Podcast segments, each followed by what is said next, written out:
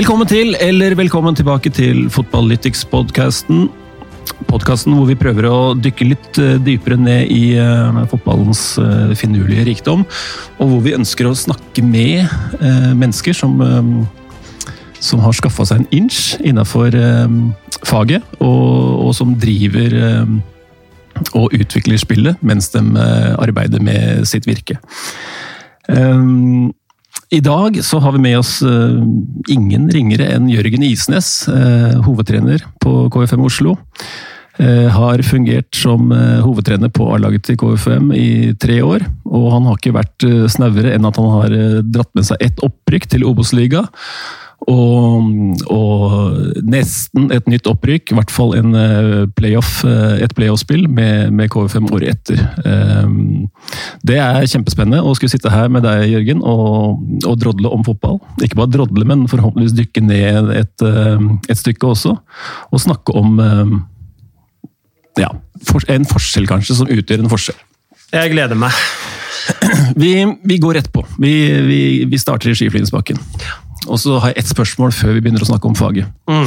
Jeg tenkte på det i går når jeg var ute og løp meg en tur. Eh, så så jeg en hoggorm. Jeg liker ikke hoggormer.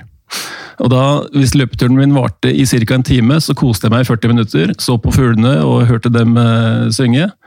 Og de siste 20 minuttene så titta jeg ned til hoggorm, livredd for å bli uh, tygd i filler. For det er det som skjer selvfølgelig når hoggorm kommer. Du blir tygd i filler. Hvordan er du i livet? Ser du på fugla, opp på himmelen, eller titter du ned og er redd for hoggorm? Jeg ser opp på fuglene. Jeg ser på naturen, og det er stort sett opp jeg ser da. Så det, jeg er nok en eh, positiv anlagt fyr som sjelden eh, ser veldig ned og, og, på det som er eh, vondt og frykt osv. Det høres ut som en behagelig tilværelse. ja, det er behagelig, men det, det er ikke sånn hele tida. Eh, vi skrur tida tilbake noen år. Vi, eh, vi befinner oss nå i barndommen til, eh, til unge herr Isnes, og så mm, ser vi for oss at vi skriver en bok. Og hva heter første kapittel i boka om Jørgen Isnes? Hva er tittelen på første kapittel? Ja, det blir jo nesten som å ta tittelen til eh, boka 'Tante Ulrikkes vei', da. Men eh, det blir Ragnhild Skibbes vei 55, eh, det. Hva foregikk? Nei, det var på Vestli. Jeg er den siste av fire gutter. Jeg har tre eldre brødre som alle er vokst opp i Ragnhild Skibbes vei 55. Med en mor og en far eh, som, eh, som eh, er religiøse. Mm. Eh, så det var jo en barndom som var basert på trygge omgivelser og en god, god oppvekst. Med mye idrett og til og med en del musikk. Ja. Og det var til og med litt søndagsskole. Så det passer jo fint å være trener i KFM i disse dager, si. Eh, men eh, mye av tiden eh, gikk jo til, til fotball. Det gjorde det jo. Hos alle fire, egentlig. Så det er vel åtte år mellom oss fire. Ja. 3-3-2. Ja. Og jeg er da yngst. Selv om det er litt pinlig å prate om yngst når jeg er 40 nå, men man er nå en gang yngst. Det er fælt å si det, men du er yngst i rommet her òg. ja, ikke sant? Men øh, å være yngst og minst, hva, hva, gjorde det med deg øh, mens dere spilte fotball?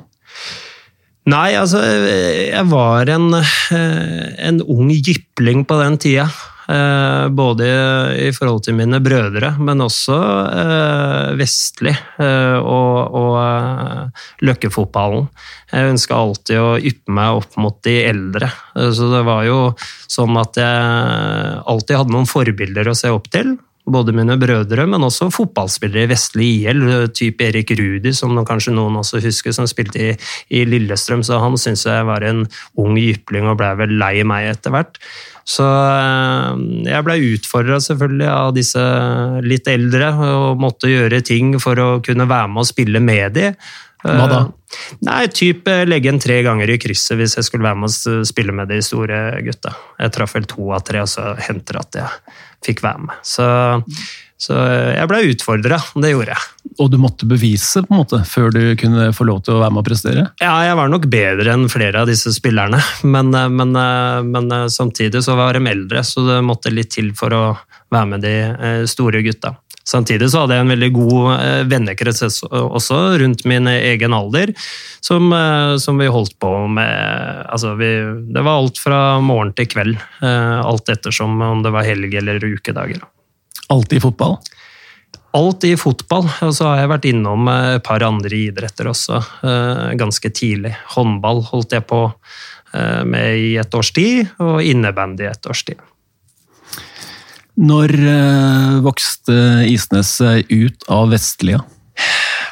Jeg tenker du på meg sjøl? Ja. ja. Nei, jeg flytta etter at jeg ble henta til Skeid som 17-åring. Uh, og da var Skeid i Da var jeg med i uh, Eliteserien. Mm. Uh, og det gikk ganske kjapt, da. fordi et halvt år i Skeid så fikk jeg debuten min i Eliteserien mot Molde. Eh, veldig fjernt eh, for en 17-åring eh, fra, fra Ragnhild Skibis 55. Som hadde stort sett drevet og spilt med løkkespillere og mindre gode A-lagsspillere i Vestli på den tida, som var fjerdedivisjon. Så jeg hadde debutert allerede på, på A-laget til Vestli, men det gikk veldig raskt i Skeid, så jeg debuterte i 1997. Så et par år eh, på A-laget der, så, så, fikk man jo litt lommerusk av penger, og da flytta man seg ned til Bjølsen. Eh, I en kjellerleilighet der. Eh, også av gutta kalt Grotta. Som sikkert er noe betegnende for hvordan det så ut der? Ja, nei, det var en fin leilighet, men vi, vi fant nå et kallenavn på det. Så det var, det var en fin tid, da. Hva hva tror du er årsaken til at du um, nøyde deg med et halvt år i Skeid før du kunne debutere på A-laget i vår øverste liga, eh, når du beskriver eh, historien i forkant av det, sånn som den er? Nei, jeg tror det innpå meg her, det at jeg var litt uredd. Turte å ta litt tak. Jeg har alltid vært en kapteinstype. Jeg var det fra tidlig av. Uh, og, og, ville utforme meg sjøl. Uh, og det tror jeg var ganske flink til også i, i, på Skeid sitt juniorlag. Samtidig så var jeg læringsvillig. Uh, jeg har alltid vært hardtarbeidende når jeg holdt på med, spesielt med fotballen. Hadde jeg vært like bra på skolen og like hardtarbeidende, så kunne jeg helt sikkert vært lik min far. Men sånn er det nå ikke nå. Mm -hmm. men, eh, men, eh, jeg tror det er en medvirkende faktor til at du tok såpass kort tid. Og så er det jo selvfølgelig noen tilfeldigheter oppi alt dette også, da. Skeid på den tida, det var ikke den store økonomien, sleit litt med skader. Jeg måtte hente noe fra egen stall, og plutselig så ble jeg henta fra jetturneringa i heisen på jetturneringa oppe på Hamar og måtte flys til Molde. Og det var bare etter noen økter med A-laget. Så det var en spesiell tid, eh, og det gikk ganske raskt. Så det er ikke bare det at jeg var en ung jypling og turte å utfordre meg sjøl, men at jeg rett og slett eh, var litt heldig også på veien her, da. Hva, hva tenkte du, hva kjente du da du sto i heisen og fikk beskjed om at du skal til Molde og spille A-kamp? Ganske artig artig, fordi eh, jeg står i heisen med Fredrik Stenerud, faktisk, eh, som spilte på Lyn den eh, tida. Han var også fra Vestli og hadde sagt ja, når er du skal få prøve deg på A-laget. Nei, så jeg du må du gi deg, liksom. Det, det tar lang tid, om den tid kommer. Og så var det bare noen minutter etterpå, så var Bjarne Rønning på telefonen og sa at du skal være med til Molde. Så det var det er jo et brus eh, i kroppen. Du får et adrenalinkick eh, samtidig som du blir litt eh, nervøs for hva som eh, venter deg, for det var ganske ferskt for meg, dette. Eh, så det var en spent ung Isnes som dro til Molde eh, den, den helga der. Hvordan gikk kampen? Det er en ganske kul historie, det òg. ja, liksom, ja, eh, Molde med sine s-er. Dette var 97, da. Nå husker jeg ikke om alle S-ene var med, men de leda 3-0. Det var tre unge spillere som ble henta fra Jet-turneringa. Det var Christer George, som vi hadde med på den tida. Det var meg sjøl, og det var en som heter Ola Bagge Skar. 15 minutter igjen av kampen, 3-0 til Molde. Da settes unggutta innpå. Uh, og det ender 3-3. Uh, mm. Jeg har assist til den siste skåringa. Mm. Kim Larsen tror jeg er det som skårer den skåringa. Hent han gjorde det på den tida der. ja, ikke sant. Så det, nei, det var en fantastisk start på egentlig en veldig kort karriere i Eliteserien for Isnes sin del. Mm. Så det blei en sju-åtte kamper, men den er kanskje den jeg husker aller, aller best. Og det er naturlig også. Så. Um, hvor mange år var du med Skeid? Jeg var vel, skal vi se, kom i 97, eller vinteren 96, da. Mm. 97, 2003, og så 2004 utlånt i Oslo øst et halvt år, og så ble det Lørenskog. Ja, Og Lørenskog i hvor mange år? Lørenskog i ti år. Ja. ja. Så det var fine å være i Lørenskog, det. Eh, og så hadde jeg et halvt år med Oslo øst og Ståle. Eh, så vi kjente jo hverandre godt fra tiden i Skeid. Vi spilte jo sammen i Skeid. Ståle sa at her får du spille i Oslo øst. Da ble spillere henta fra blokka oppe på Lambertseter og fra trikken her og der. så det ble et fotballag av det også. Oslo øst hadde kamper dem som var eh, definitivt severdige, fordi det var bra. Ja, og det er jo en grunn til det. Det var jo Ståle som var trener, så jeg er jo opptatt av hvordan dette skulle se ut. han. Spilte sjøl òg, da? Ja. Spillende hovedtrener. Det så ofte bra ut, det skal sies, da.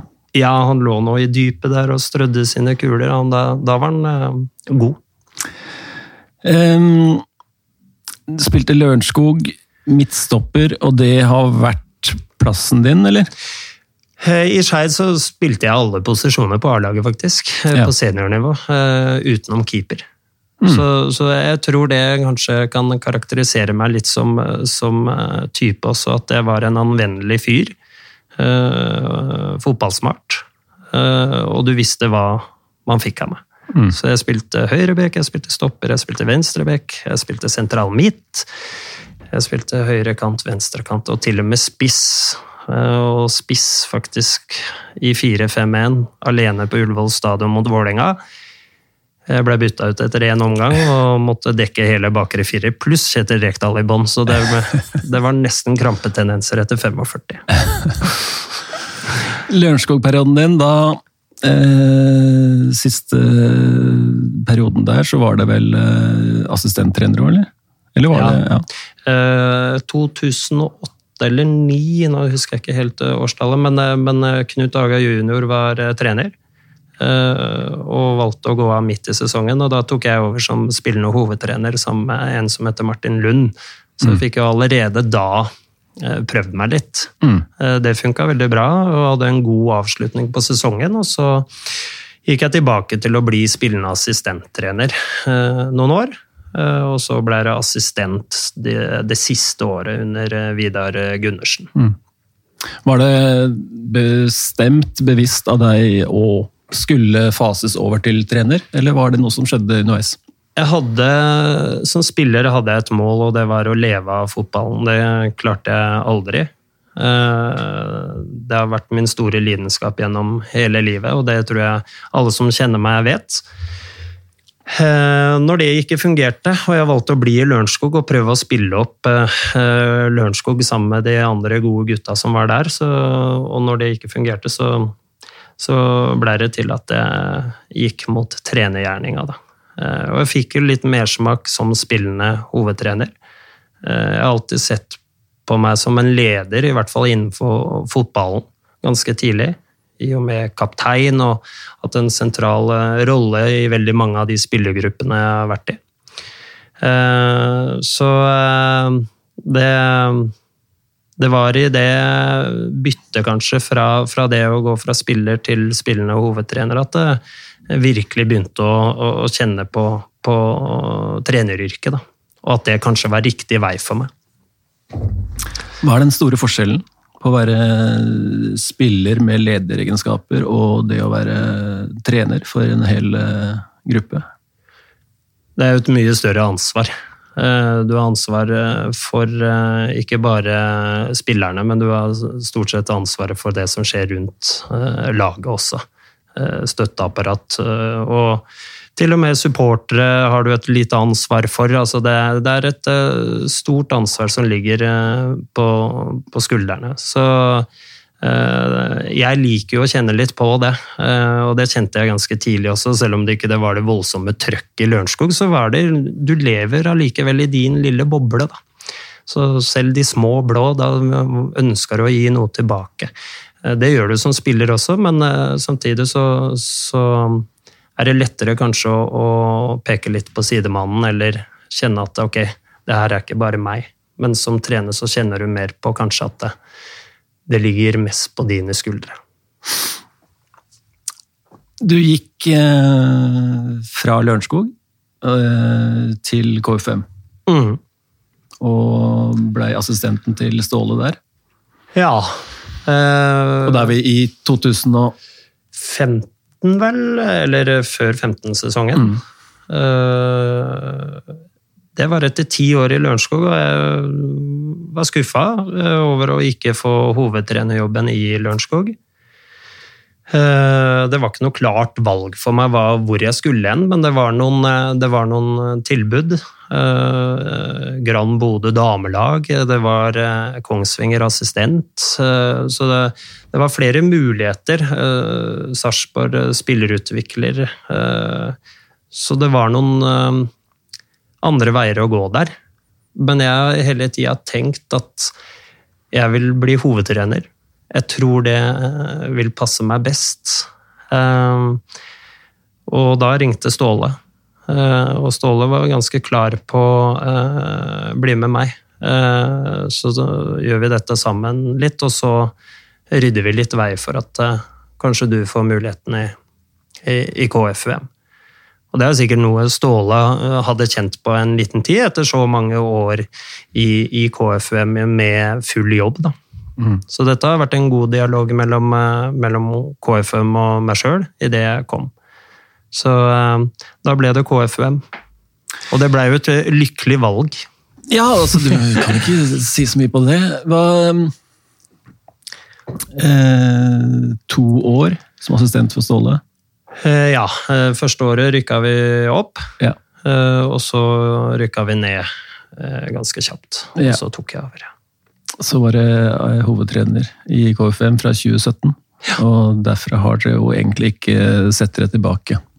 Hvis vi skal bare dra kort, vi skal gå, vi skal gå dypere inn, men ja. Eh, hvis du drar kort gjennom um, læringa du har opplevd da, som, uh, gjennom det vi har snakka nå. Mm. Hvor, uh, hva er det du husker best, egentlig? Når er det ting begynte å forandre seg og uh, bli klart? da? Dette er meg. Sånn er jeg som trener. Jeg, jeg tenker hele tida at eh, jeg utvikler meg hele tida. Eh, så liksom, jeg føler ikke at det er noe stopp noe sted. Og når jeg, når jeg går grundigere til verks i, mine, i mine refleksjoner av meg sjøl, så ser jeg at det er bare et uh, halvår tilbake hvor jeg tok noe nytt nå. Uh, kanskje en måned siden bare.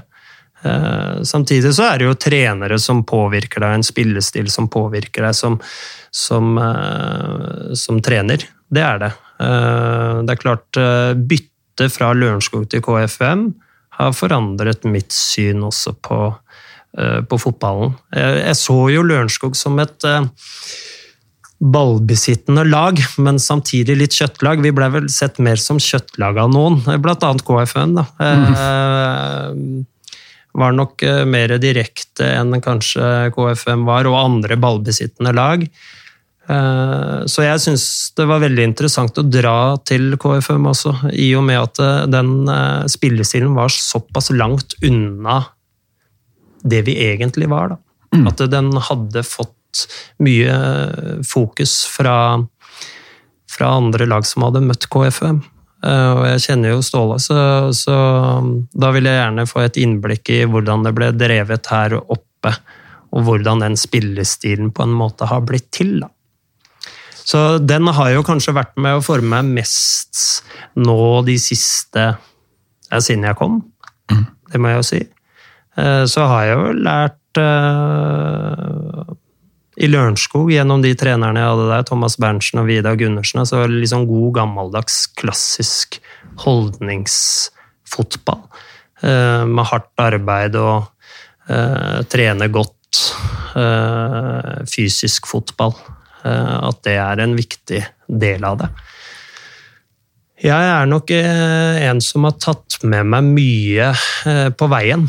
Som, som har forma meg gradvis. Det er jeg ganske bevisst på. Både når det kommer til spillestil, men også når det kommer til lederstil. Selv om jeg tror mye av den lederstilen jeg har, kommer helt hjemmefra. Ja, så bra. Hva, hva legger du i det? Nei, jeg har en uh, far og en mor som er fantastiske på alle måter, og det veit jeg Det veit jeg ja, stort, stort, sett alle som kjenner dem, sier det samme. Uh, de har en evne til å se folk. De har en evne til å ta vare på folk og sørge for at de folka dem er med, har det bra. Og vil at de skal ha det bra. Og det er beste utgangspunkt for at noen skal Eh, lykkes. Eh, og det er jeg opptatt av eh, i min lederstil, og så er det veldig individuelle tilpasninger. Fordi alle er ikke like, så noen tåler faktisk å få litt kjeft og litt ris innimellom. Så her dreier det seg om å, å, å skaffe en god relasjon i bånd. Kjenne mennesket ordentlig før man virkelig går hardere til verks. Er det noen som trenger litt kjeft og ris òg, eller? Ja, det mener jeg, det, det, men det er måten det blir gjort på. og Det er klart eh, det burde ligge noe til, eh, til bunns her. Altså, det burde ligge en god relasjon i bakhånd. Eh, og når den er der, så kan man gjøre ganske mye. og der, altså, Vi snakker ikke å gi, slå osv. Vi, vi snakker om å, om å kunne, kunne på en måte piske Ikke bokstavelig talt, men, eh, men eh, få spillerne til å yte eh, enda mer. Enten når det kommer til gjennomføring, eller det kommer til det harde arbeidet. Um, hvor mye av spilleren Jørgen uh, lever i treneren? Mye. Jeg syns kanskje det har vært den vanskeligste biten, fordi du savner det å være ute på banen. Uh, og, og kunne agere med ball, og uten ball for den saks skyld. Eh, jeg har arrestert meg mange ganger som trener og vært en såkalt PlayStation-trener. Eh, jeg tror jeg har blitt bedre på det. Og la heller spillerne gjøre valgene etter hvert jeg har nok balansert det. Jeg vil ikke si at jeg fjerna det helt, men det er noe man har som utviklingsmål, f.eks. Men jeg, jeg, jeg, savner den delen av fotballspillet hvor jeg kan være ute og spille. Men det kommer jeg til å savne resten av livet. Det veit jeg. Spiller du noe fotball i det hele tatt nå? Ja, jeg spiller litt Allboys. Uh, det kan være frustrerende, det kan jeg skrive under på. Men Allboys i, i KFUM. Mm. Så prøver å være med litt der. Mm. Ja. Eh, jeg husker jo spilleren Jørgen Isnes. Eh, veldig vokal. Eh, dirigent. Mm. Jeg så deg jo mest som midtstopper. Satte høye krav til de rundt deg, mm. til kampledere. Innimellom motstandere. Mm. Du levde jo 100 inn i, inn i rollen som fotballspiller. og og leder i laget. Mm. Og jeg ser jo litt av den samme. Mm. Eh, ikke fullt så fottrapp lenger på mm. sidelinja, mm. men allikevel. Eh, svært engasjert i, i uh, de minuttene kampene varer. Og jeg innbiller meg, og jeg har hørt andre si det òg, at uh, sånn ser Jørgen ut i hverdagen også. Ja. Så jeg tror nok det er en av trumfkorta dine, sånn, som trener, i tillegg til å gjøre det med en varme, da. Altså, ja. Du stiller jo krav, men du gjør det med en slags varme og en slags uh, forståelse i at uh, 'jeg vil deg vel'. Ja, og det tror jeg faktisk uh, en del av spillerne føler også. Etter både evalueringer og spillesamtaler osv. Og, så og ut ifra det jeg har hørt, så For meg så Når jeg står på sida, så har jeg lyst til å være Jørgen. Og det ville vært helt feil for meg, og, og med all respekt for alle trenere som har en annen eh, inngang til det, så, så, hadde ikke jeg vært den som kunne ha sette meg ned på benken. Eh, det kan hende jeg gjør et par ganger i løpet av sesongen, men jeg liker å stå fremme. Jeg liker å kunne gi positiv energi, mest mulig, eh, til spillerne. Så lenge man hører meg, så lenge man ser meg, så tror jeg jeg kan påvirke. Mm.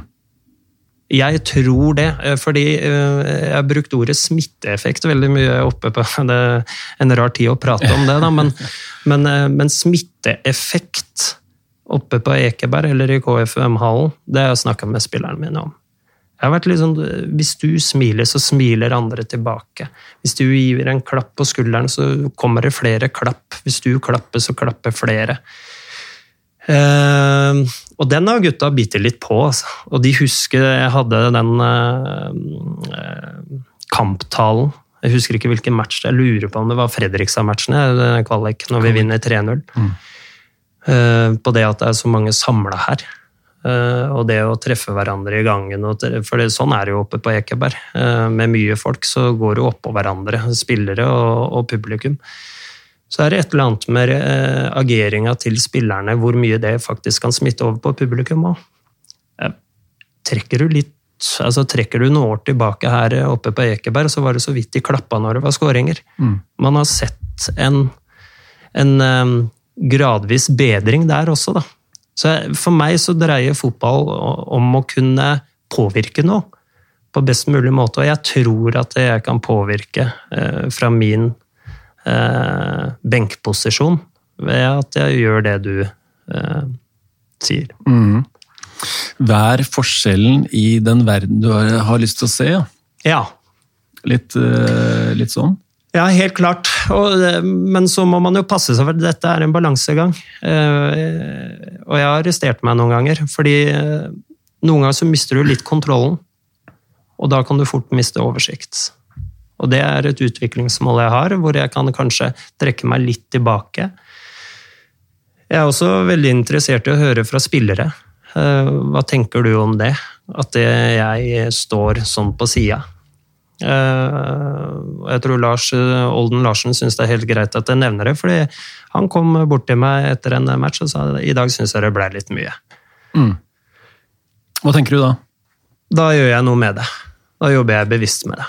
Mot han, eller? Eh? Nei, både han og andre spillere. Og det, det er jo Jeg er streng med meg sjøl, så det er liksom eh, Jeg prøver å evaluere meg etter kamper eh, og se, ok Høre litt med spillere, medtrenere, om hva syns du om det, hva syns du om det?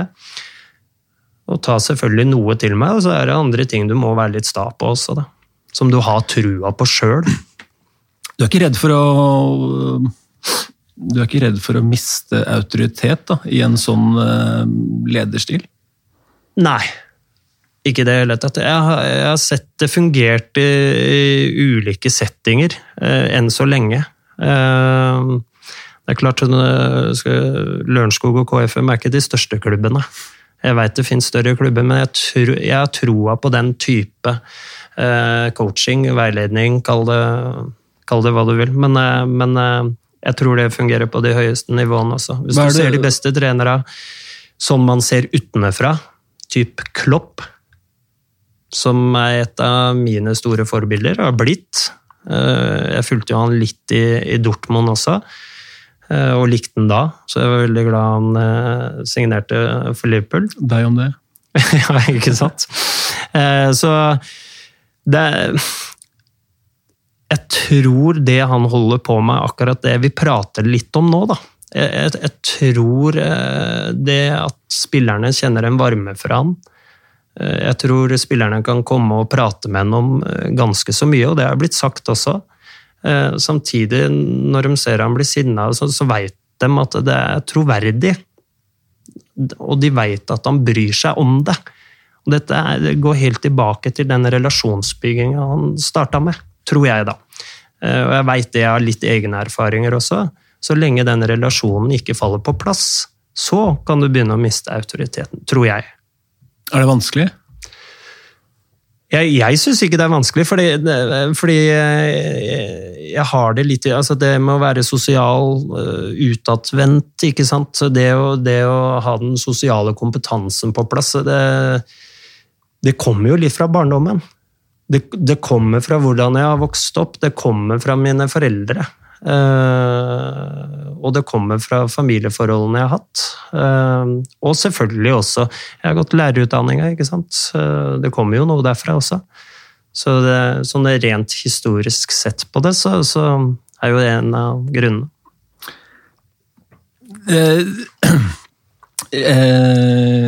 ser du på det her som en, en sterk lederstil, eller er det sårbarhet, svakhet i det? Det, det fins uh, sårbarhet uh, på de fleste, tror jeg. Altså de fleste lederstilene. Det tror jeg. Uh, men det tror jeg du må erkjenne også. Det finnes noen smutthull her og der som kan utnyttes av en eller annen spiller eller en eller annen du jobber med. De finnes. Men det gjelder å skape en, en kultur der du er, hvor du føler en trygghet, og at du kan føle deg komfortabel Eh, med det du holder på med, eh, så vil det alltid Og heldigvis, vil jeg si, da, så er fotballen sånn at det kommer, kommer ikke til å bli, bli, sånn du hadde forutsett. Jo, men det, det, det, er jo det kuleste med fotballen, både når det kommer til fotballfag og når det kommer til det å lede mennesker. Så kommer utfordringene. Og de utfordringene må være der, for hvis ikke så hadde det vært dritkjedelig. Jeg tror veldig på det du forfekter her. Eh, for meg da personlig så er måte, svak lederstil det å dra på seg solbrillene og si 'sånn er det'. Hør på meg, og alt annet er eh, ja, altså Det jeg kommer med, det er sannheten. Og ja, er... ikke, ikke, ypper til samtale i hele tatt, men så, gjør det sånn. Det er for meg svak lederstil. Og jeg tror, og jeg håper egentlig òg, at den er på litt sånn vei ut. da. Det kan ha noe med den nye generasjonen vi driver og veileder og coacher nå, og mm. de stiller helt andre krav. Hvor kanskje trenerrollen for 10-12-15 år siden var mer knytta opp mot personligheten. At uh, han ble sint, han. Da mm. måtte vi jobbe, da. Mm. Så er det ikke nok for en ung gutt i dag eller ung jente i dag å, å jobbe fordi noen skriker at du skal jobbe. Så det er jo mer komplekst, mm. mer komplisert, men uh, jaggu meg så mer interessant da, da å, mm. å holde på med det der. Men du var jo litt eh, Jeg betegner jo deg som en rolig og balansert eh, trener. Altså de lagene du har trent. Eh, følte du på noen måte hvor du kjente at ok, det har jeg lyst til å endre på? At du, du tenkte at ok, det her eh, ja, ja. ja. Og Eh, litt Jeg kjenner meg igjen i det du sier, da, ja. med å være dynamisk og ja. hele tida på søk etter noe mer ja. og noe bedre, og noe som gjør deg rikere på en måte som trener. Mm. Eh, og ikke bli for eh, ikke enfoldig, men du må ikke bli for snever da, i mm. uttrykket ditt. Du må mm. ha mer, flere strenger å spille på. Mm. Selv om hvis jeg skulle spille gitar, så hadde det holdt med én streng. Det er mer enn nok. Men, eh, men, som fotballtrener, og som menneske, og som venn og som familiemann, og alt sånt, så trenger du jo flere strenger å spille på. Ja. Eh, men den kulturen da, du måtte legger til grunn. Mm. Sånn, sånn, vil jeg jobbe, sånn vil jeg være tilegne meg mennesker, sånn vil jeg at laget skal mm. uttrykke fotball på. Mm. Eh, det må ligge i bånn, og det mm. må være knallsterkt. Ja. Det fundamentet der må være knallsterkt, for hvis det ikke er det, så ryker alt andre. Da, da blir det sånn lett det blir fattig da, å snakke om formasjon eller spillestil hvis ikke mm. kulturen er der. Ja, helt klart. Jeg tror vi er enige der. Og menneskene du har med deg på det, er jo også helt avgjørende. Og Du trenger ikke være enig om alt, men eh, veien, retningen, Mm. Eh, må være på en måte samstemt.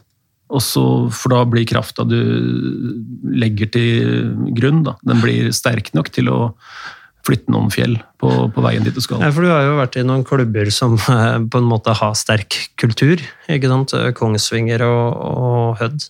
Eh, det var jo en sterk kultur her også, i KFM, ja, ja. når jeg kom. Ja, og det, det, er liksom skal være forsiktig med å si at man endra kulturen totalt, men, men treningskultur, garderobekultur, det gikk jeg inn og, og retta ganske betraktelig på. Altså. Da snakker vi 2017. Ja. Laget har rykka ned. Sjarmert eh, til dels i Obos-liga, med ja. mye fin fotball. Ja. Eh, Plukka ikke nok poeng. Tok tur ned i andredivisjon. Mm. Ståle Andersen, eh, en av Norges, eh, norsk fotballs største feinschmeckere, mm. på og utafor. Mm. Eh, trer til side, du stiger opp.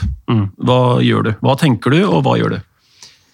Eh, først og fremst å, å gå igjennom eh, kampene igjen eh, fra året før. Eh, og se hva, hva er det som gjorde at man rykka ned, eh, før man på en måte skulle gå inn til klubben og si at dette tar jeg. Eh, jeg vil gjerne eh, lage noen punkter for meg sjøl eh, som, som, var viktige, som jeg kunne endre på. Hvis jeg skulle bli der. For det var ikke sånn at ok, jeg tar det uansett. Mm.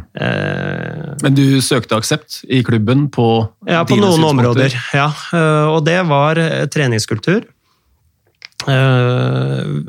I Obos, til og med i Obos ligaen så var det jo sånn at vi ikke hadde alle spillerne på trening.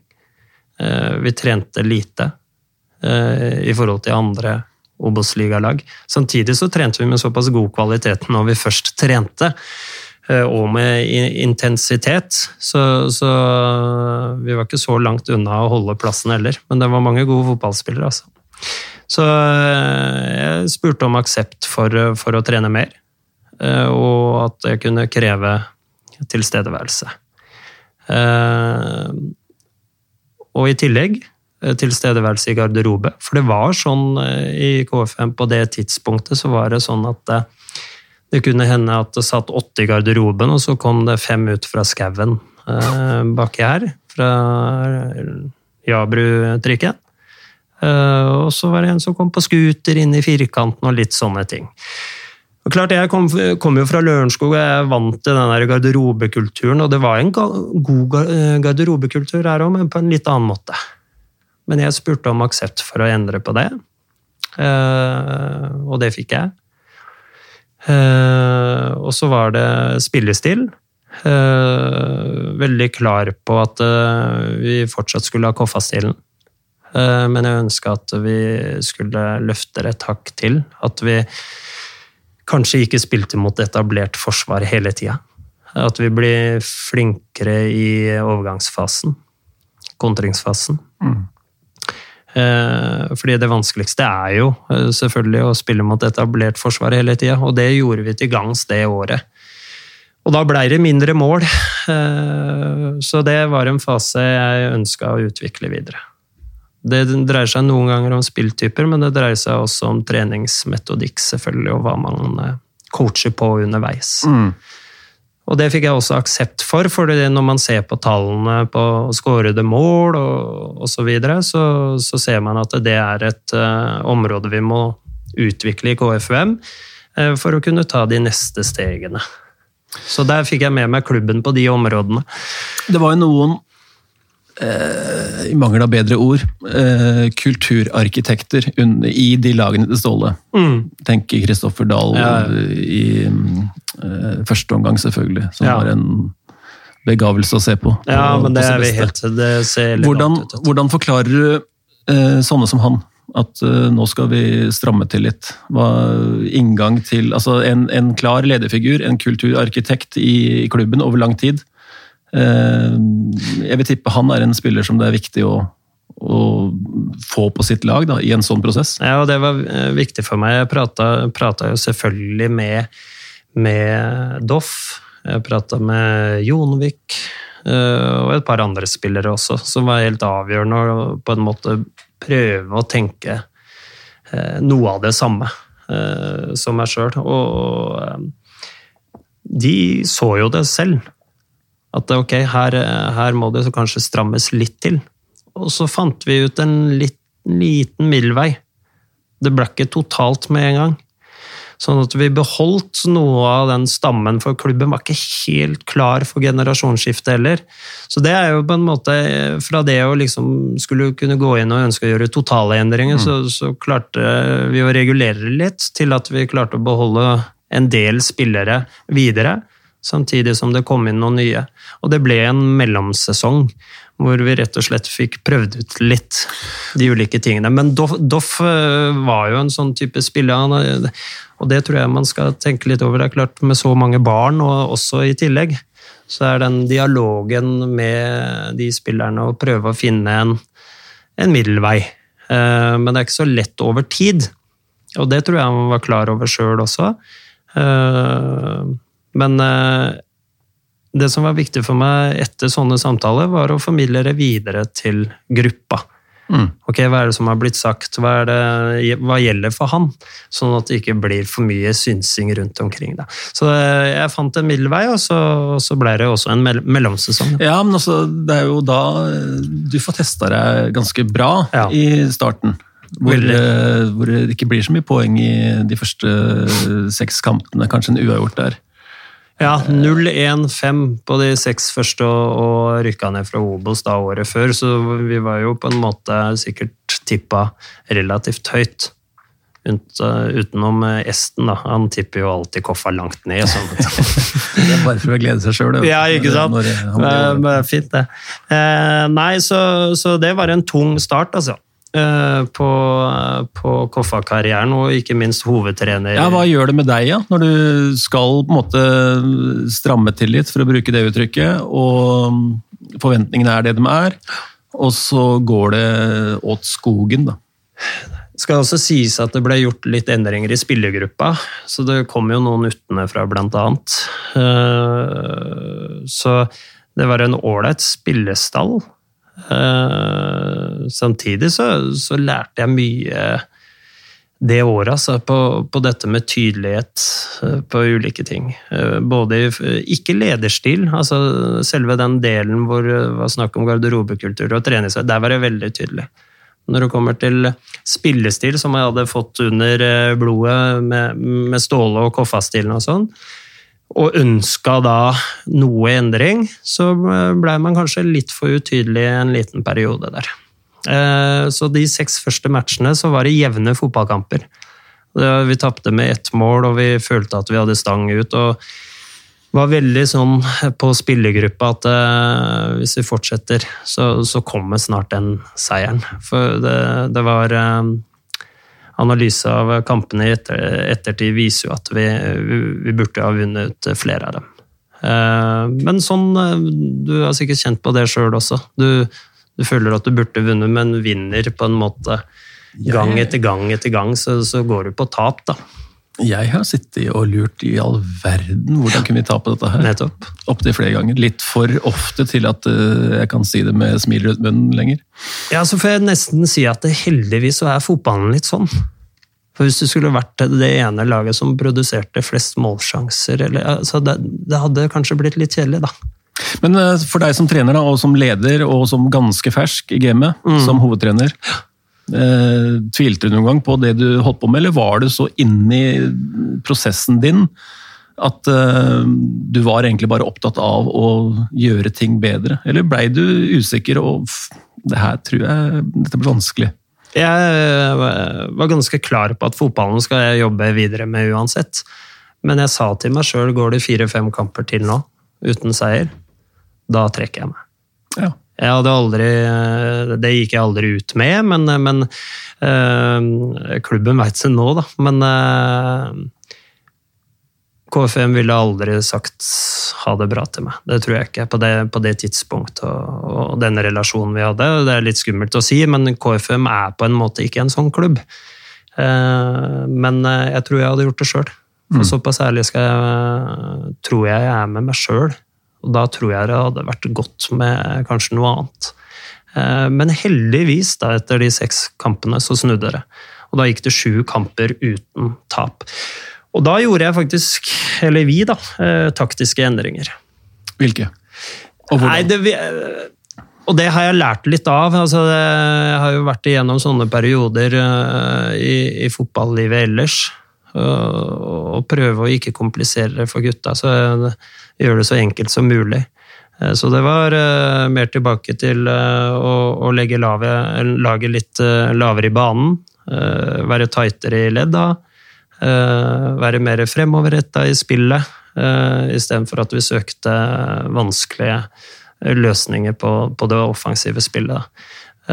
det gjorde at vi fikk løfta motstanderen høyere i banen gjennom at vi la oss lavere, og gjorde at vi fikk mer rom da fremover å angripe i når vi først vant den. Så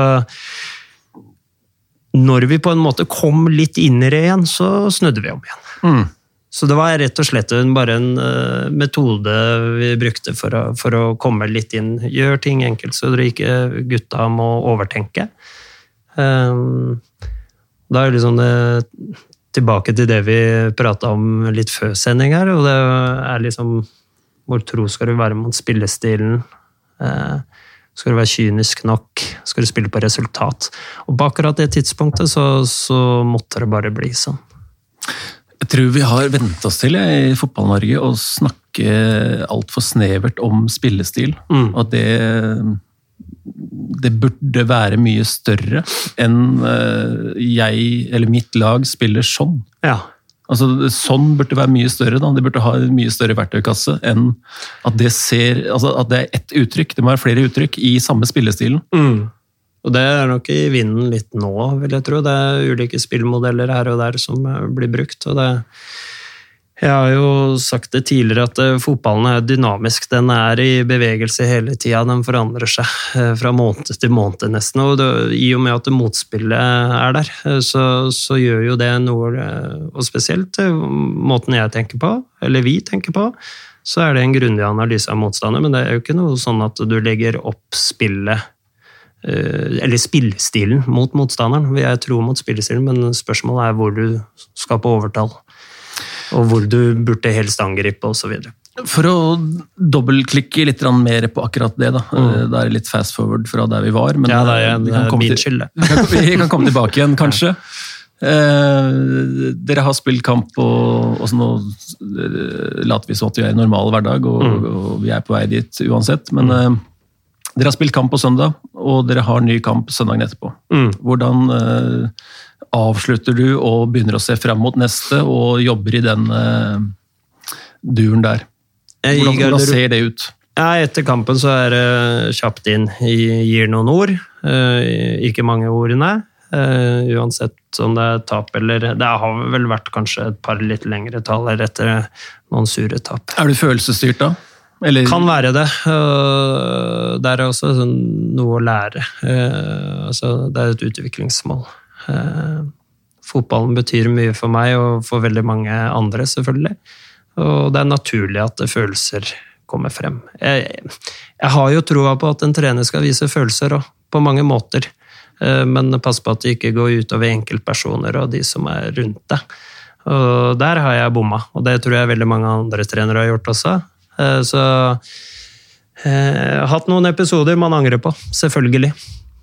Men det er jo mange som ikke tør å Eller ja, tør.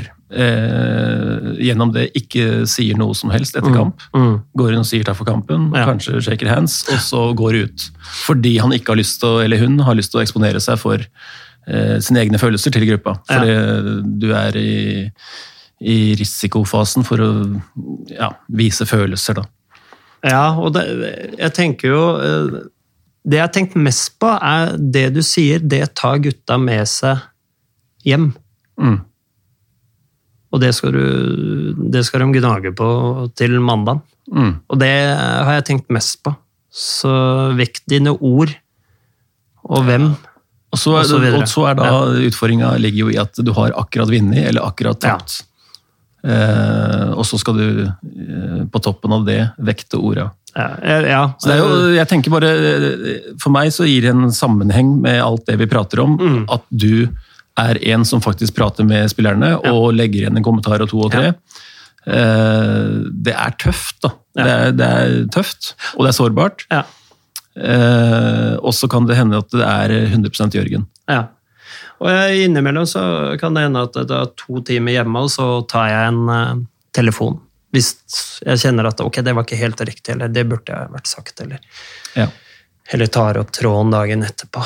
Eh, Og så må du på en måte bli ferdig med det. Men, Ja. jeg, men jeg har sagt det også, altså ved seier og sånn, så må man feire, altså. Uansett altså hvilken seier. Det må feires. Det, er, det skal være en ordentlig glede, og det har jeg vært eh, veldig opptatt av, eller vi har vært veldig opptatt av å få det inn i både klubb og i lag.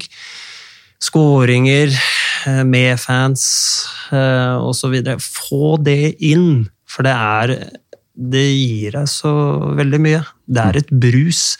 Og det kan hende neste helg så opplever du ikke det samme. Mm. Så du må benytte muligheten, enhver mulighet til å feire de seierne. Altså. Eh, Du har sagt det du skal si på Ja. søndag kveld. Eh, Det, det kan ha vært eh, i eufori, eller det kan ha vært i, i sinne.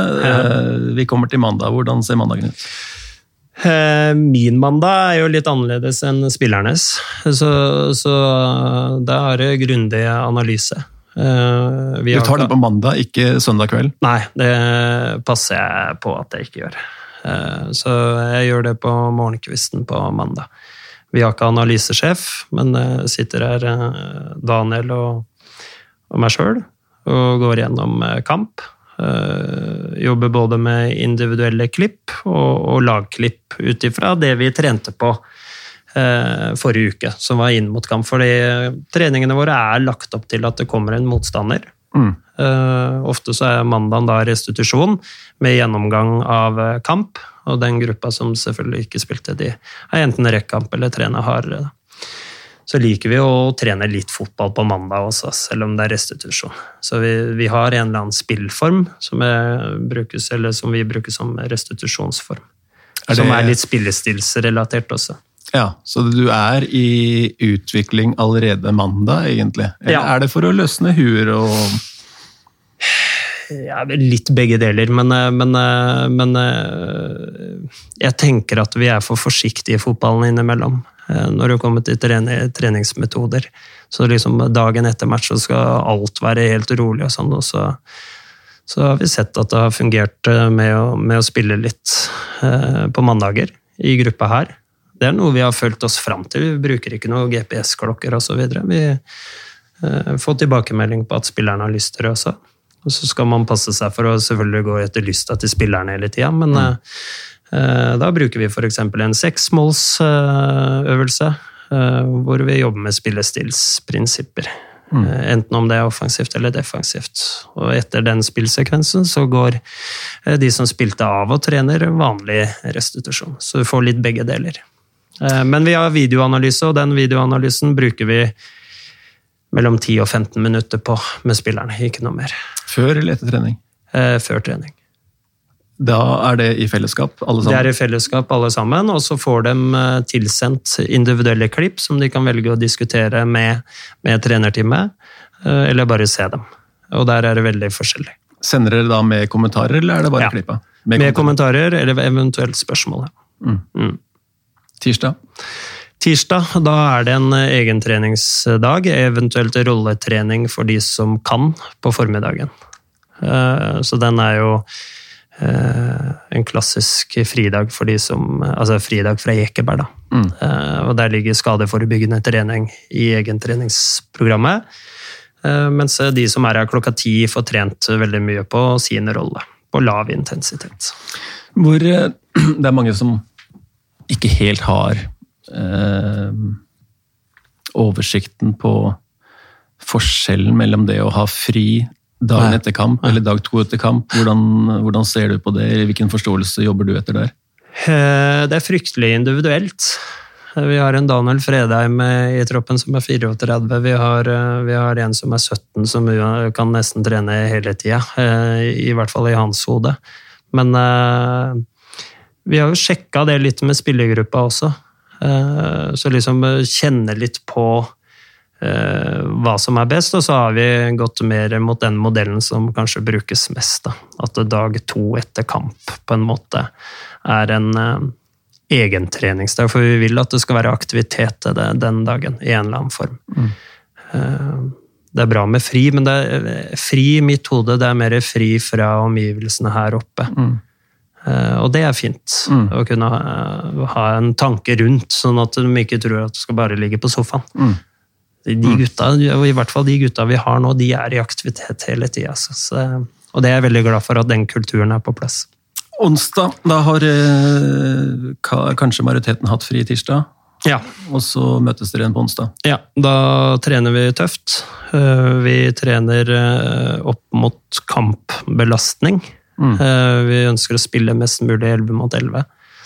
Eh, Det kan være fire ganger 15, f.eks. Kommer litt an på hvordan eh, ukene før har vært, hvor mange kamper osv., men da spiller vi eh, 11 mot 11 nesten en eh, time. Eh, Med ulike fokusområder rettet inn mot kampen. til. ja, er motstander kartlagt eh, Ja. innen da? Det er det.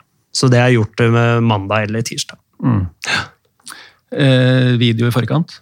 Av Ikke av, den, ikke av den økta, eh, eller før den økta. Den kommer senere i uka, sånn at den kommer tettere på, på kamp. Men de blir introdusert f.eks. av tallkombinasjoner hos motstanderen, f.eks. Mm. Lavt eller høyt press. Men da jobber vi ikke så mye mot det spillet, men jobber mer eh, de to elverne som er fordelt ut ifra om du spiller eller ikke. Sånn at man har en reell sjanse til å kunne spille seg inn i en elver. Eh, hvor mye manipulasjon har du i motstand da, i forhold til motstander? Eh, for, forholder du deg til formasjonen til motstanderen? Ikke på onsdag. Nei. Det gjøres på torsdag, eventuelt Og hvor mye prat om motstander får eh, spillerne dine? Det får en noen minutter før, eh, før økta, mm. uten noe, no video. Mm. Eh, Sånn at det ikke blir for mye. Vi er opptatt av å være korte og presise. Eh, Sånn rent pedagogisk sett på det, så faller folk ut etter sju minutter. Så vi prøver å ha med det litt i tankesettet vårt eh, når vi gjør dette. Men eh, det er, det er en økt hvor det er fokus enten på noe defensivt eller offensivt som blir viktig inn mot helga, eventuelt begge deler. Mm. Vi ønsker egentlig hele treningsuka å tenke så helt som mulig, altså helhet. Eh, ekstremt mye spill mot spill.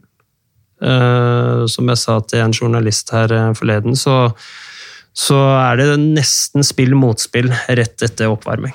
Mm. Gjennom hele økta. I en eller annen form. Fordi? I hvilken forståelse? Nei, for vår del så, så mener vi jo at det er, vi må trene på det vi skal være gode på.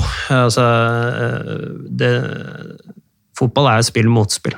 Eh, Og så lenge vi kan trene så funksjonelt som mulig, så gjør vi det. Eh, Og så vil det være selvfølgelig rolletrening typ tirsdag, eh, som, hvor de får øvd rolle. Så kan det hende vi trekker ut en spiss eller to for et kvarter med avslutninger og sånn, fordi de må jo øve på altså få gjentatte repetisjoner på det de skal være gode på også.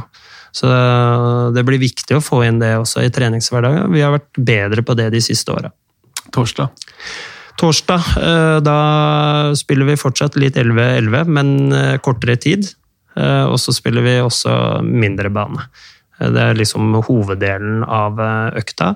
Og når det er 11 mot 11, så begynner man å se konturene av en elver.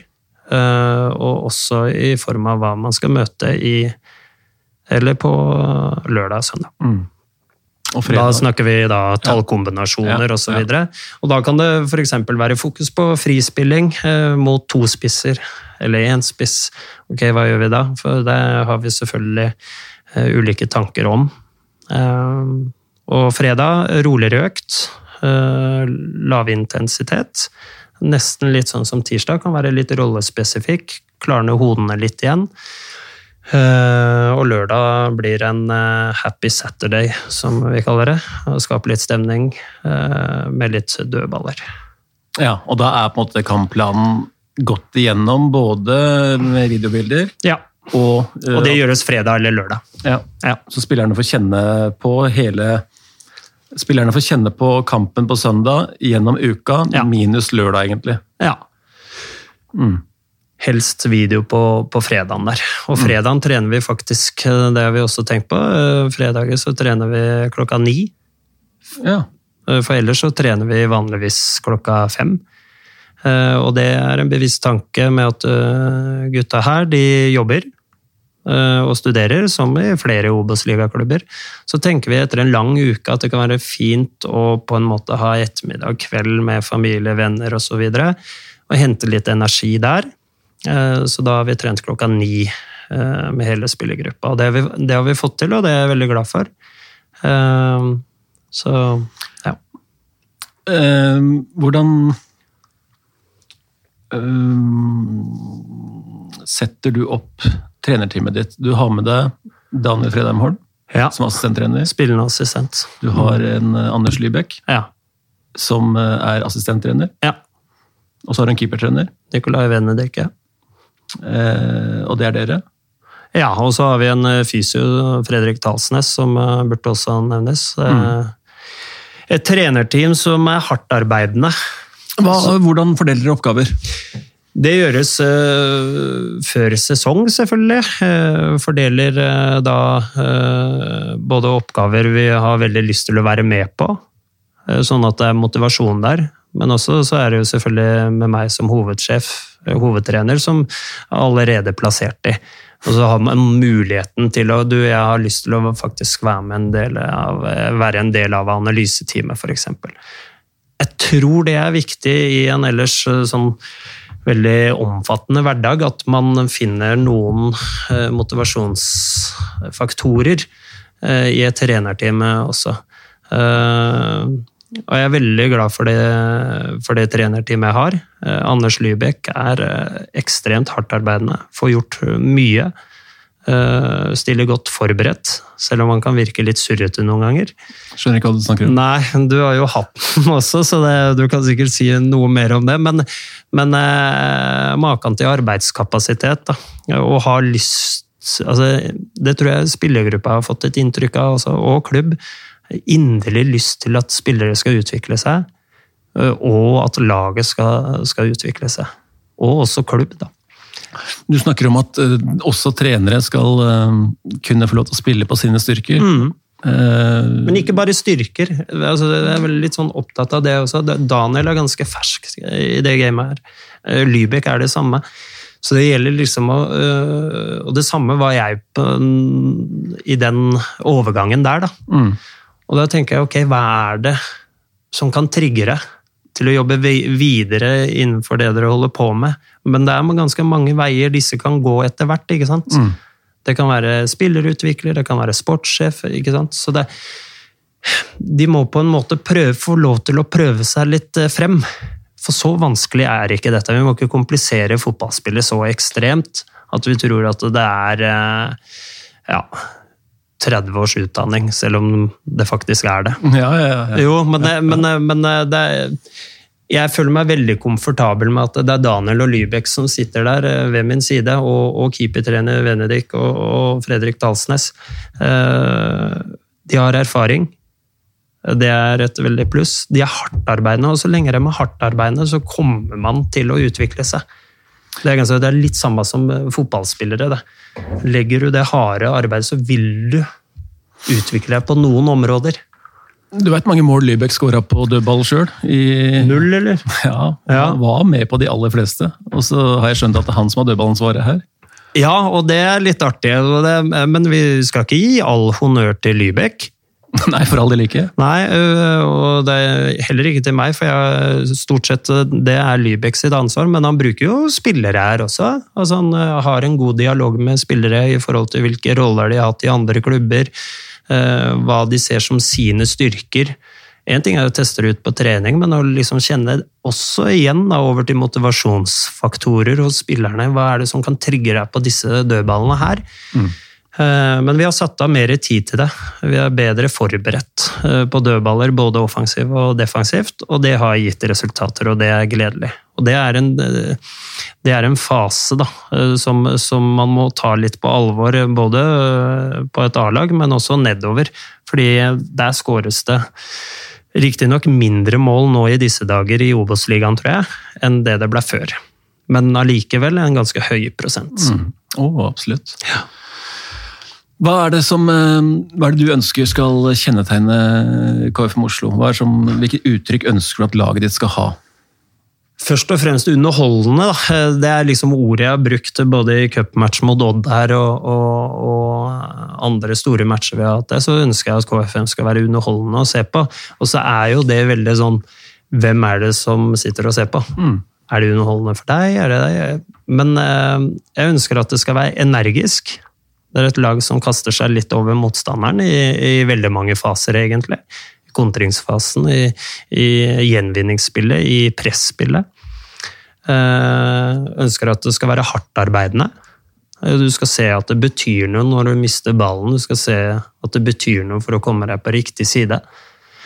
Jeg eh, ønsker at det skal være korte eh, avstander eh, mellom leddene, men jeg tar ikke å skritter opp antall meter imellom. Fordi fotballen er hele tida Det er ikke de 10-12 meterne hele tida. Så her gjelder det å også skjønne at det forandrer seg stadig i løpet av 90 minutter. Ønsker at vi skal være ballbesittende, som Koffa-stilen tilsier. Eh, men selvfølgelig gjennombruddsvisser når de rommene oppstår, som vi har fått gjennom vår ballbesittelse. Eh, så det er liksom egentlig de ordene jeg har brukt mest om Koffa-stilen den siste tiden. Eh, men også som har vært med og, og dratt min fotballstil. Hvordan inspirerer du andre da, til å få til det her? Hva, du har vært inne på det selvfølgelig en del. Men hvordan inspirerer hva, Eller først, aller først, mm. hva, du, hva inspirerer deg? Det er eh, personer som eh, har energi. Spillere med energi, eh, folk med energi. Og så er det også et eller annet med balansegangen på den energinivået men som kan smitte over noe eh, til, til eh, de rundt seg. Eh, enten om det er fag, eller om det er energi av at du faktisk har et kroppsspråk. Så energi inspirerer. Mm. og så har du selvfølgelig personligheter som har inspirert meg. Eh, jeg fulgte jo Rosenborg på 90-tallet eh, sterkt, og det er veldig mange som eh, bruker Nils Arne Eggen, og han har inspirert meg. En figur, ikke sant. Litt artig å se på. Og et spill som var egentlig mye langs bakken, men veldig fremoverretta. Så Rosenborg var nydelig å følge på 90-tallet. Og da også Bjørn Hansen, som jeg fikk uh, høre litt på i senere tid. Hvor man skjønner dynamikken i et trenerteam. Altså hvor stor betydning kanskje en, en Bjørn Hansen hadde. da. Uh, for jeg har hørt uh, spillere hatt Nils Arne Eggen som trener. Og det er klart Det er jo ikke bare de gode ordene. Han ga spillerne huden full også, men så hadde du Bjørn Hansen i bakhånd. Uh, som er opptatt av feed forward, ikke feedback, men feed forward. Mm. Så det, de to figurene der på 90-tallet, inspirasjon. Uh, helt klart. Og ganske tidlig også. Uh, og klart i seneste tid, så Pep, Klopp De store. Men det er klart, man henter jo inspirasjon overalt. Og er, Man blir jo nysgjerrig når man ser Ajax eh, drar seg, drar seg, såpass langt i Champions League med et vanvittig eh, presspill og, og, og, eh, en herlig spillestil med mye energi, så blir du jo nysgjerrig. Og da setter du deg ned og titter litt, da. Og så henter du noe, kanskje. Det samme gjelder jo treningshverdag. Når det kommer til øvelser. Mm. Så har jeg Hans Erik Eriksen-øvelsen ute på feltet innimellom. Jo, men, det, men eh, det, det, er nettopp det med det Du kopierer ikke en figur, men du henter noe på veien hele tida. Mm. Og det kommer jeg til å gjøre så lenge jeg jobber i det yrket, yrket her, tror jeg. Og hvordan inspirerer du eh, dine spillere, dine trenere, en hel klubb? Eh, du var inne på det i stad, publikum. Hvordan inspirerer du eh, ja, en hel klubb da, med, med, med, å få dem til å gjøre det du vil skal være underholdende? Dokumentasjon er jo viktig noen ganger, da.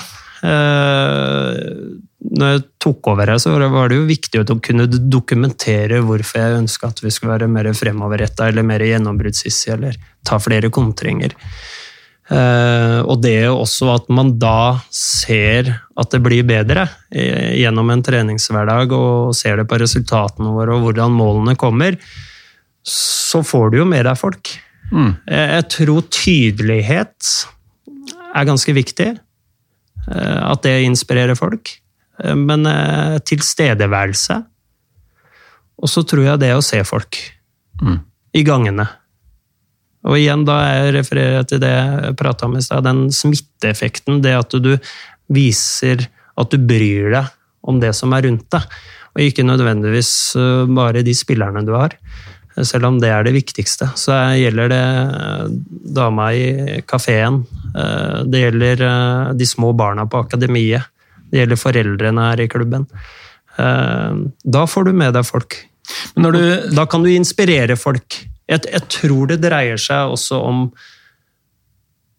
at du bryr deg, som jeg har nevnt. Hva er det du, når du ser folk, hva er det du ser etter?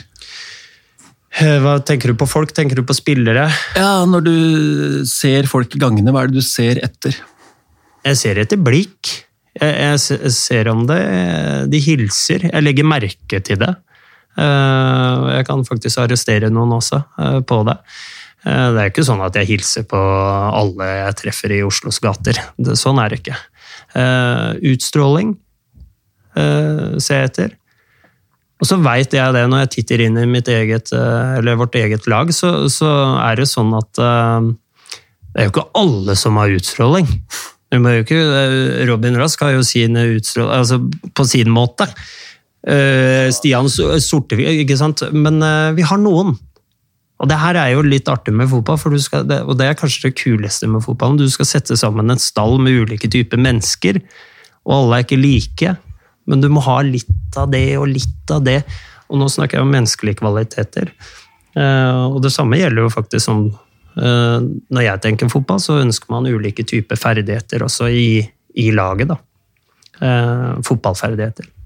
Jeg husker jeg hadde en trener en gang som sa han så etter det gode i mennesker. da. Ja. Han skulle aldri bli tatt på at noen gjorde noe bra noe uten at han hadde sett det. Ja. Da var han lei seg, for da hadde han liksom gått glipp av muligheten til å skryte. Ja. Det var hans måte å inspirere på. på en måte. Og så er det mange andre trenere som har skodd seg på og gjort det bra med å finne feila hos eh, eh, Og korrigerer da, eh, i mye større grad enn at du på en måte forsterker 'Å, det der var bra!' Mm og så eh, ergrer han seg grønn hvis han ikke fikk lov til å ta del i ja. mestringa til spilleren sin. Nei, det, det, er jeg opptatt av som trener uh, ute på felt. Jeg kan gi litt ris innimellom, men jeg er ganske kjapp på å gi ros med en gang jeg ser den spilleren gjør noe bra. Det, den legger seg med en gang. Da veit jeg på en måte at jeg har, har gitt dem eh, litt kjeft, altså. Og ser med en gang en, en bra bra handling av spillerne i det kjapt på. Det syns jeg er noe av det kuleste òg. For det, du, du, ser spillere blomme Det er ganske lett å se, altså. Mm. Mm. Eh, vi får ikke gått så dypt i det, men hva Du har et veldig tydelig, klart verdisett. Mm. Eh, og du eh, ja, Vi har vært innom det her. Du, du, sender masse varme, du har store, høye krav. Eh, og så har du en spiller som på en måte tester ut verdiene dine. Mm. Og går eh, utafor eh, normen og eh, til tider også ja, går imot da, egentlig det du står for. Mm. Eh, hvordan jobber du med han? Eh, kvitter du med en? Eh, snakker du med en? Eller ja, hvordan tilnærmer du deg en sånn situasjon? Jeg kvitter meg ikke med spilleren, det, og det ville vært et tap for trenerteamet og meg sjøl hvis vi skulle gjort noe sånt nå. Og også mot klubbens uh, verdier. da. Uh, og sånn tror jeg jeg kommer til å være hele veien. jeg ønsker å lykkes med folk, og vi ønsker å lykkes med folk. og vi er forskjellige, og med en gang vi kjenner at noe ikke står i stil med det vi holder på med, må vi finne finne løsninger. Jeg kan ta et konkret eksempel, og han tror jeg syns det er ålreit, for jeg nevnte det før. Moses Mava hadde vi her. Kjempegutt. Ikke sant? Fantastisk. Men han hadde jo en vinnerskalle som, og, og vinnermentalitet som kunne gå utover hele gjengen ute på banen i form av kroppsspråk og, og, og kommunikasjon generelt. Da. Og det ble jo skadelidende av en liten periode, fordi igjen, det smitter så ekstremt hvis det er så tydelig. Mm. Og det er klart, da er en spillersamtale inn, prate litt, finner en løsning, blir enig med spilleren om hvordan vi skal jobbe med det, for spilleren var ganske enig i det. Eh, og det ble daglig oppfølging gjennom SMS eller gjennom en melding eh, på 'hva syns du var bra i dag'? Mm. Mm. Og det, altså det, er rene pedagogiske virkemidler. Eh, og da må spilleren svare hvordan han syns han var på kroppsspråk i dag, og kommunikasjon. Og så leser jeg det, og så gir jeg en tilbakemelding og sier om jeg er enig eller uenig, og så forklarer jeg det.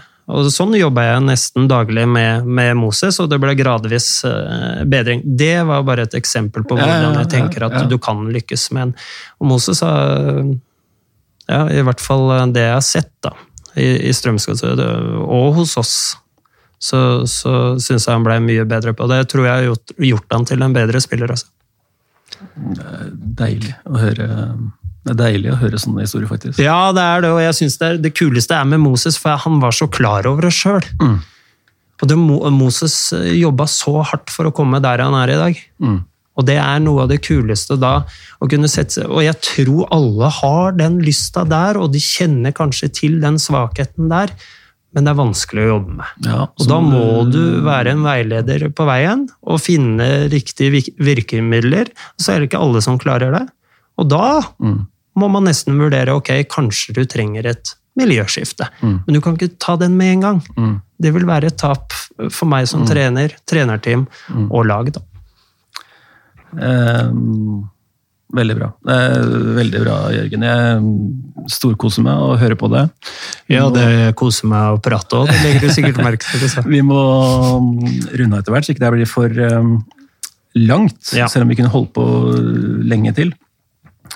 Eh, men jeg syns i alt du sier, og egentlig alt du ikke sier, så, mm. så forklarer du en god del av suksessen da, som KFM, eh, som du har vært en stor del av, men som du har med deg mange rundt mm. uh, sammen med deg.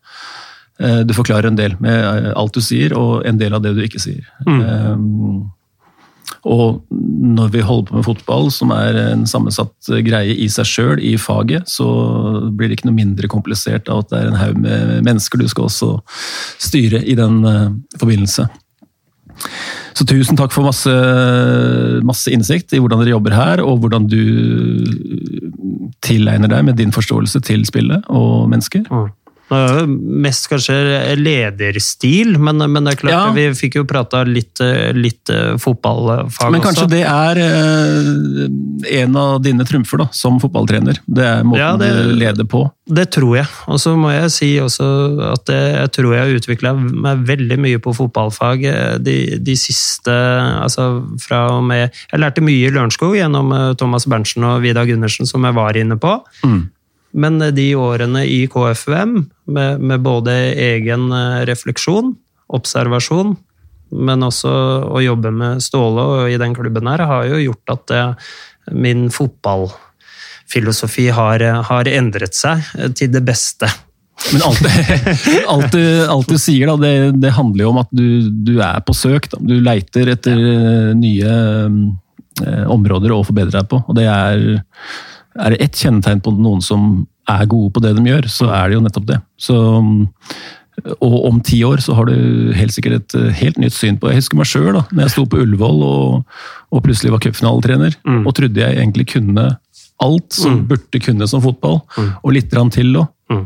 Og så ser jeg tilbake nå, og så bare, hvilken naken fyr som egentlig sto der i dress og trodde han hadde fasiten. Det er ganske skremmende å tenke på. Ja. Jeg misunner deg den cupfinalen. Men, ja, men akkurat cupfinalen var jo stor i seg sjøl, ja. men uh, du gikk jo av der uten pokal, så det var ikke um, Ja. Men uh, norsk fotball, da. Hva er det for mye av i norsk fotball? Jeg syns det er for mye at vi prater hverandre ned.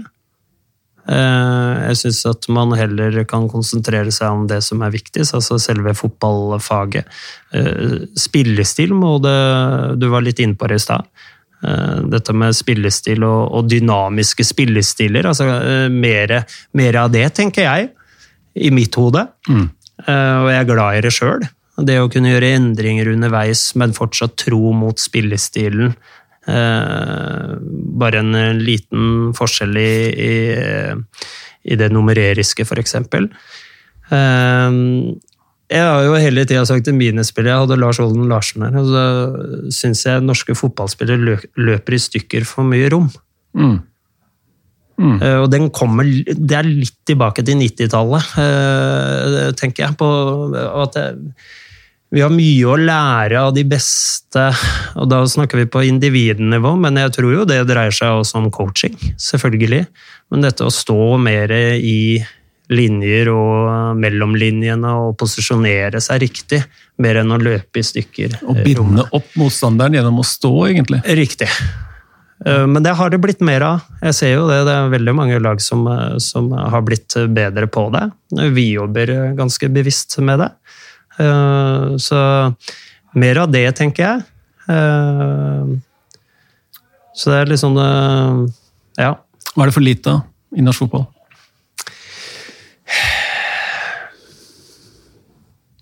Nå skal jeg være litt forsiktig når jeg sier at vi må være forsiktige med å prate oss, prate oss ned. Det er klart, Vi har jo vært i en situasjon hvor, hvor vi har vært litt nede, norsk fotball. Og norsk klubbfotball og norsk landslagsfotball. Men uh... Ja, men jeg tenker, jeg har sagt det før òg, men uh, vi er Norge. Ja. Vi, vi, er de vi er. Vi, vi, vi lever oppe, uh, høyt oppe på globusen. Mm. vi er ikke så mange. Uh, og fotballen er ikke like bra som du ser i en Champions League-finale. Det mm. tror jeg vi alle er enige om. Det er vi enige. Uh, Mbappé er ikke norsk, han er fransk. Og City er eh, best i England, vil noen hevde. Andre kanskje ikke akkurat nå, men altså, de, de, er bedre enn det du får av norsk fotball. Mm. Akkurat som i musikk så er utenlandske band, da, for å bruke et hvitt uttrykk, er mm. bedre enn norske, generelt sett. Og så har du a-ha, du har Martin Ødegaard, du har stjernene i Norge også. Eh, så eh, jeg er helt enig i at eh, å snakke produktet norsk fotball ned er bare dumt og litt fattig, egentlig. For vi er Norge. Uh, det, det kom jeg på altså, mens du du, så tenker jeg. Så, mm. Men uh, altså, vinnerskaller, vinnermentalitet i enda større grad, som kan kanskje nærme oss noe mer internasjonal standard. Det er på en måte hvor sterk du er oppi nøtta, men her kommer et annet eh, Jeg ser det diskuteres litt eh, på Twitter i eh, disse dager. altså typ Hvor mye mentale trenere er rundt omkring? Mm. Når vi først snakker om mentalitet, mm. så det er det jo for lite av i norsk fotball. Mm.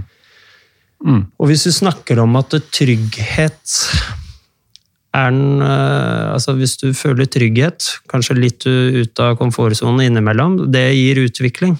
Og at du, når du føler deg bra, så er det store muligheter for at du kan utvikle deg videre. Så tenker jeg jo at det et, er et veldig viktig fokus, og at det er for lite av i norsk eh, fotball. Men da dreier det seg igjen om, som peker tilbake på ressurser. Så mm, det henger jo sammen, dette. Men, eh, men eh, det er jo Vi etterlyser vi snakker om vinnermentalitet, vi snakker om mentalitet sånn generelt. Han er ikke sterk nok mentalt. Mm. Mm. Ok, hvordan jobbes det med, da? Mm. Vi, vi, kan jo påvirke noe eh, som trenere, men uh, hvem sitter på fagområdet? Mm. Hvor mye er det dratt inn i trenerutdanninga? Null og niks. Mm. Ja, det er, det er vanskelig og stort tema som vi ikke har klart å omfavne godt nok ennå, naturligvis. Ja, og det Ja. Han er for dårlig med venstrebeinet, ja, men da trener han venstrebeinet. Ja, ikke sant? Han er for dårlig mentalt, ja, da får han skjerpe seg. Ja. Det er enkelt. Nei, men Suverent, eh, Jørgen. Vi, eh, vi, runder av. Eh, jeg skal også takke redaksjonen Ole Kristian Amundsen, Vidar Gjengdal Hansen, Anders Stensås og ikke minst min medsammensvorne Freddy Santos, som står og tråkker på en ball et eller annet sted og ikke kunne være med i dag, men han er snart tilbake.